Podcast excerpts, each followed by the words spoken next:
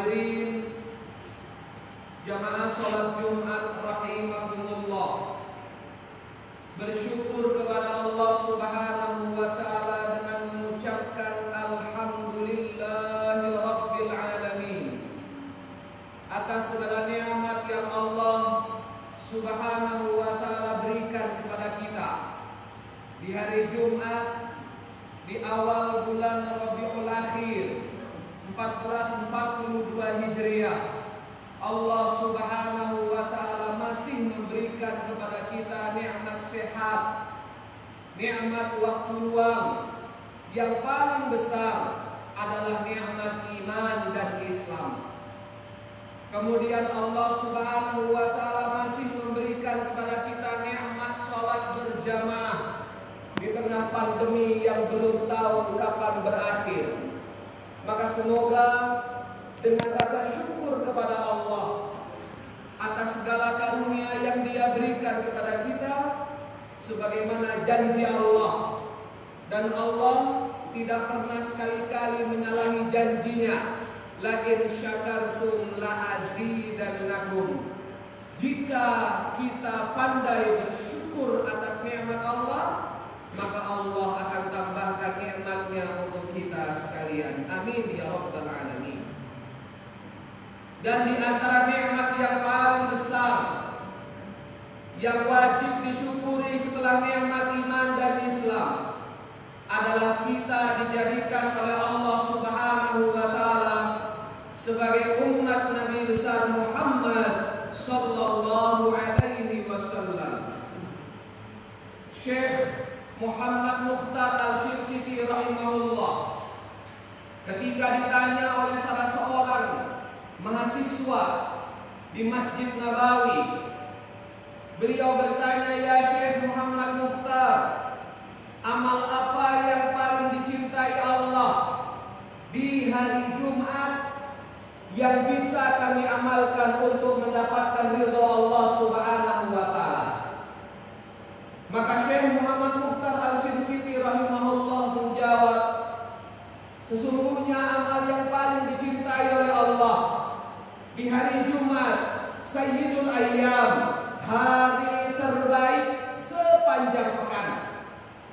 Tidak lain dan tidak bukan Sebagaimana firman Allah subhanahu wa ta'ala A'udhu billahi minasyaitanir rajim Inna Allah wa malaikatahu yusalluna 'alan nabi.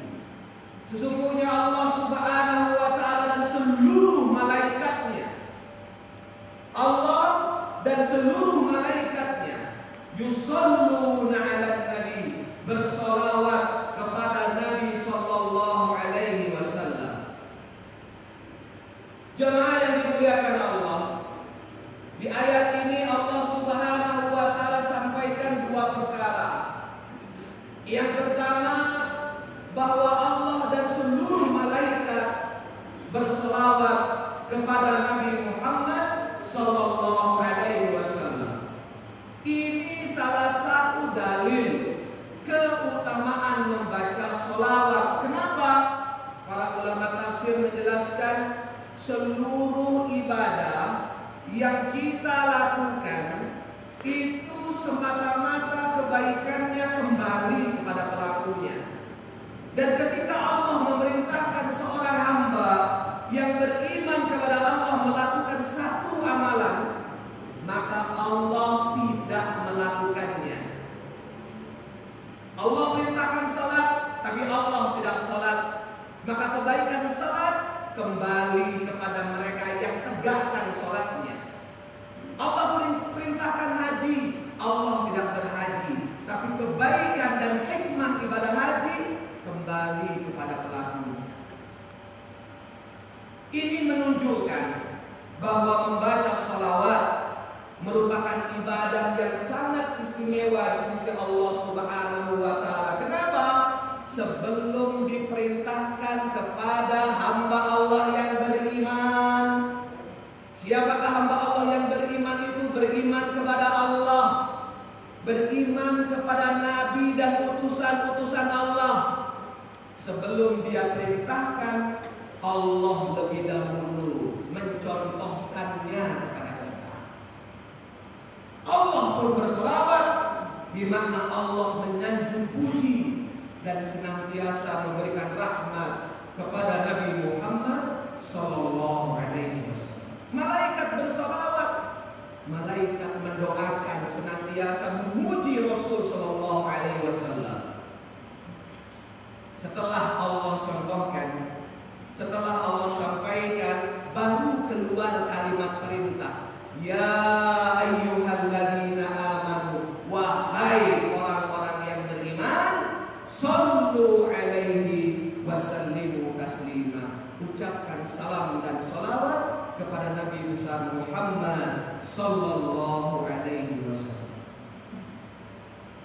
Ini merupakan kalimat yang sangat dicintai Allah dan amal yang harus kita perbanyak di hari Jumat yang mulia ini. Hari terbaik, maka ucapan terbaik kita perbanyak kepada suri tauladan terbaik, manusia terbaik, teladan terbaik, pemimpin terbaik, baginda Rasul Nabi besar Muhammad sallallahu alaihi wasallam. Jamaah yang dimuliakan Allah, di antara nikmat paling besar yang Allah berikan kepada kita adalah adalah Allah Subhanahu jadikan kita sebagai umat Nabi Muhammad sallallahu alaihi wasallam. Kenapa di nikmat yang istimewa seperti itu? Dikisahkan dalam sebuah riwayat ketika Nabi sallallahu alaihi wasallam bersama Abu Bakar Siddiq radhiyallahu Ketika itu Nabi Shallallahu Alaihi Wasallam diperintahkan oleh Allah hijrah, untuk hijrah dari Makkah ke Madinah. Dalam sebuah perjalanan yang sangat menentukan, Rasul Shallallahu Alaihi Wasallam menunjuk Sayyidina Abu Bakar Siddiq sebagai pendampingnya. 800 km jarak antara Makkah dan Madinah Jangan dipikirkan Makkah dan Madinah itu seperti hari ini.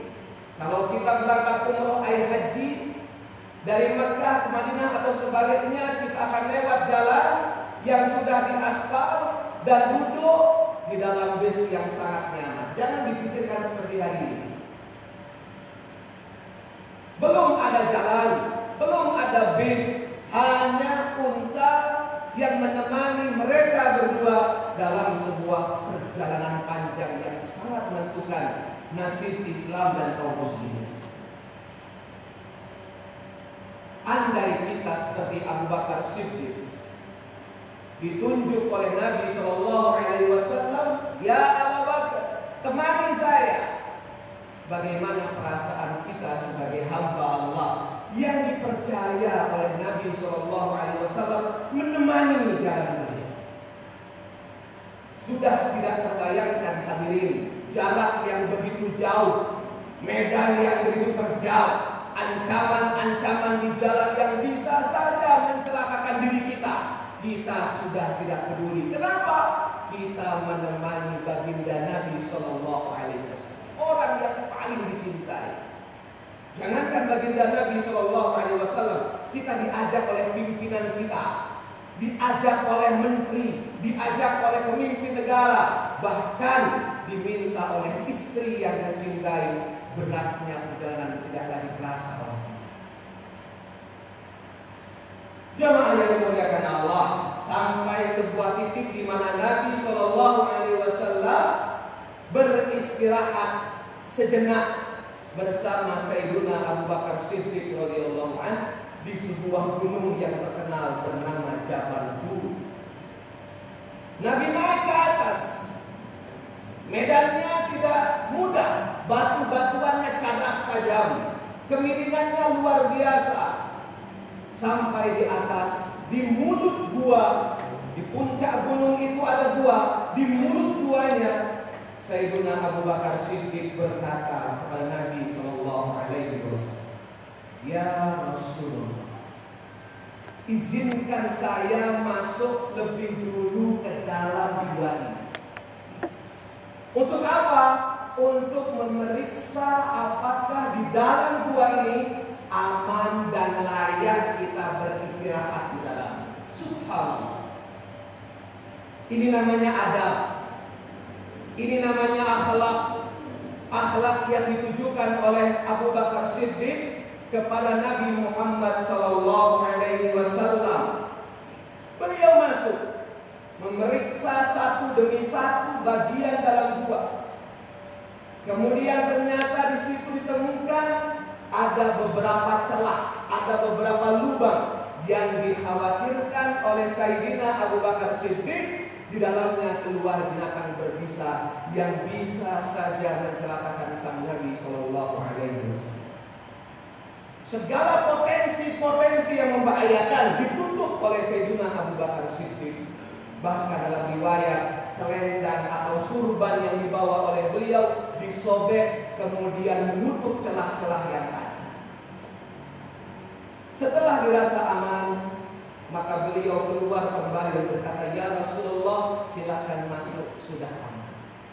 Begitu di dalam, Sayyidina Abu Bakar Siddiq duduk dan tak dinyana, tak disangka ternyata Nabi Shallallahu Alaihi Wasallam meletakkan kepala beliau yang mulia di pangkuan Abu Bakar Siddiq. Rasul berbaring di pangkuan Abu Bakar Siddiq. Nabi istirahat. Allahu Akbar walillahil Tidak ada kebahagiaan hamba Allah yang beriman kecuali menyertai Nabi Shallallahu Alaihi Wasallam. Tidak terbayangkan bahagianya Abu Bakar sakit. Jangankan Nabi letakkan kepala beliau yang mulia di pangkuannya, menemani sang Nabi saja sudah sangat terhormat dan bahagia. Masya Allah, ternyata di depan Sayyidina Abu Bakar ada lubang yang belum ditutup. Kemudian tidak tega membangunkan sang Nabi yang sedang beristirahat. Digeserlah kaki beliau untuk menutup lubang itu. Masya Allah, ternyata di lubang itu terdapat binatang berbisa yang menusuk, yang mematukkan bisanya ke kaki Abu Bakar Siddiq radhiyallahu taala bergetar kaki Abu Bakar Siddiq menahan panas bisa itu. Sakitnya luar biasa tapi tak tega membangunkan sang Nabi. Dia tahan sakitnya sampai keluar keringat segede-gede jagung bahkan keluar air mata beliau Masya Allah air mata itu jatuh di pipi sang Nabi Sallallahu Alaihi Wasallam Nabi bangun Kemudian Nabi menatap wajah Abu Bakar Siddiq dekat dengan Abu Bakar Siddiq. Ya Abu Bakar, kenapa kau menangis? Abu Bakar Siddiq menjawab, Ya Rasulullah, kaki saya dipatok ular dari lubang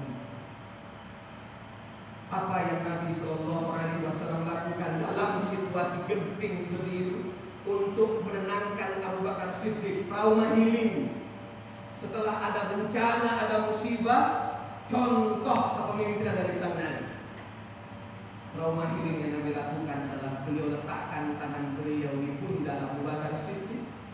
Kemudian Nabi Shallallahu Alaihi Wasallam menyampaikan firman Allah, La tahzan innallaha Surah At-Taubah ayat keempat.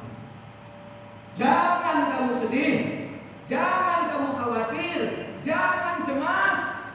La tahzanu. Kenapa jangan cemas, jangan sedih? Innallaha ma'ana. Sesungguhnya Allah beserta kita. Allahu akbar walillahil hamd. Itu yang menjadikan hati orang beriman selalu tenang hadirin yang. Dalam bekerja, dalam berkarir, menjemput rezeki dari Allah, di mana pun berada, orang beriman tenang, bukan karena pangkat jabatan, bukan karena gaji, bukan karena fasilitas, tapi tenang. Kenapa? Karena merasa Allah di dekat.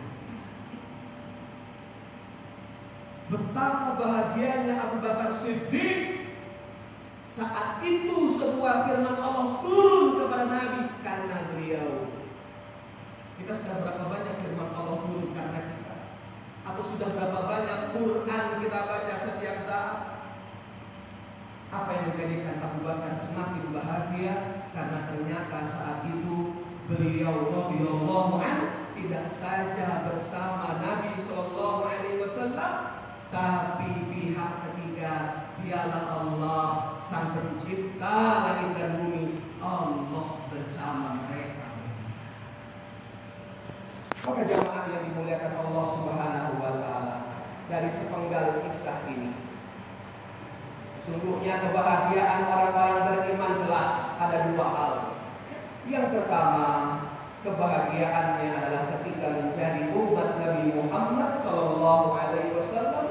Terbukti siang ini kita semua duduk di majelis ini di sidang Jumat ini sebagai bentuk kecintaan kepada Nabi Sallallahu Alaihi Wasallam.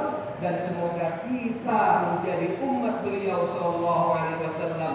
Dan Nabi Shallallahu Alaihi Wasallam tunggu kita di telaga Haud dan kita diberikan minum langsung oleh Nabi Shallallahu Alaihi Wasallam. Dan kita mendapatkan syafaat dari Nabi Shallallahu Alaihi Wasallam. Yang kedua, ini yang paling penting bahwa dalam situasi pandemi seperti ini segala sesuatu menjadi tidak pasti, segala sesuatu menjadi tidak jelas. Banyak perkara-perkara yang berat yang bahkan ditemui oleh saudara-saudara kita, bahkan mungkin kita sebagai hamba Allah, maka jangan sandarkan diri kita kepada selain Allah, sandarkan semua kekuatan, sumber pertolongan dan keselamatan hanya kepada Allah Subhanahu wa taala. La tahzan, tidak boleh kita bersedih. Kenapa? Innallaha ma'ana. Karena Allah senantiasa bersama kita. Barakallahu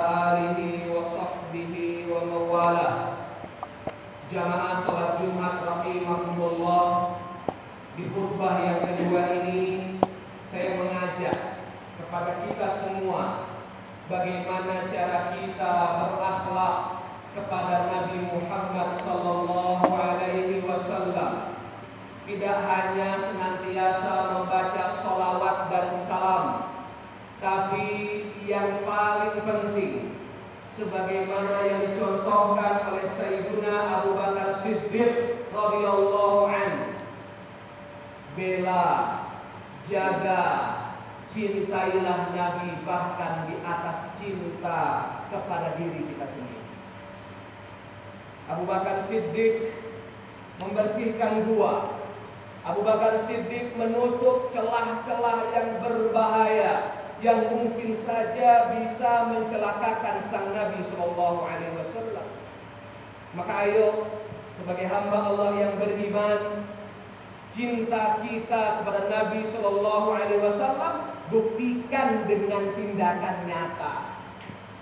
Jangan hanya diam, jangan menutup mata, Jangan acuh tak acuh ketika sang Nabi Shallallahu Alaihi Wasallam mendapatkan perlakuan yang tidak baik dari orang-orang yang bahkan belum mengenalnya. Orang tua kita saja yang mengorbankan darah, nyawa dan keringat untuk kita anak-anaknya saja. Ketika orang tua kita mendapatkan perlakuan yang tidak baik demi Allah, kita sebagai anak tidak akan diam dan tidak akan menutup mata kecuali membela kemuliaan orang tua kita.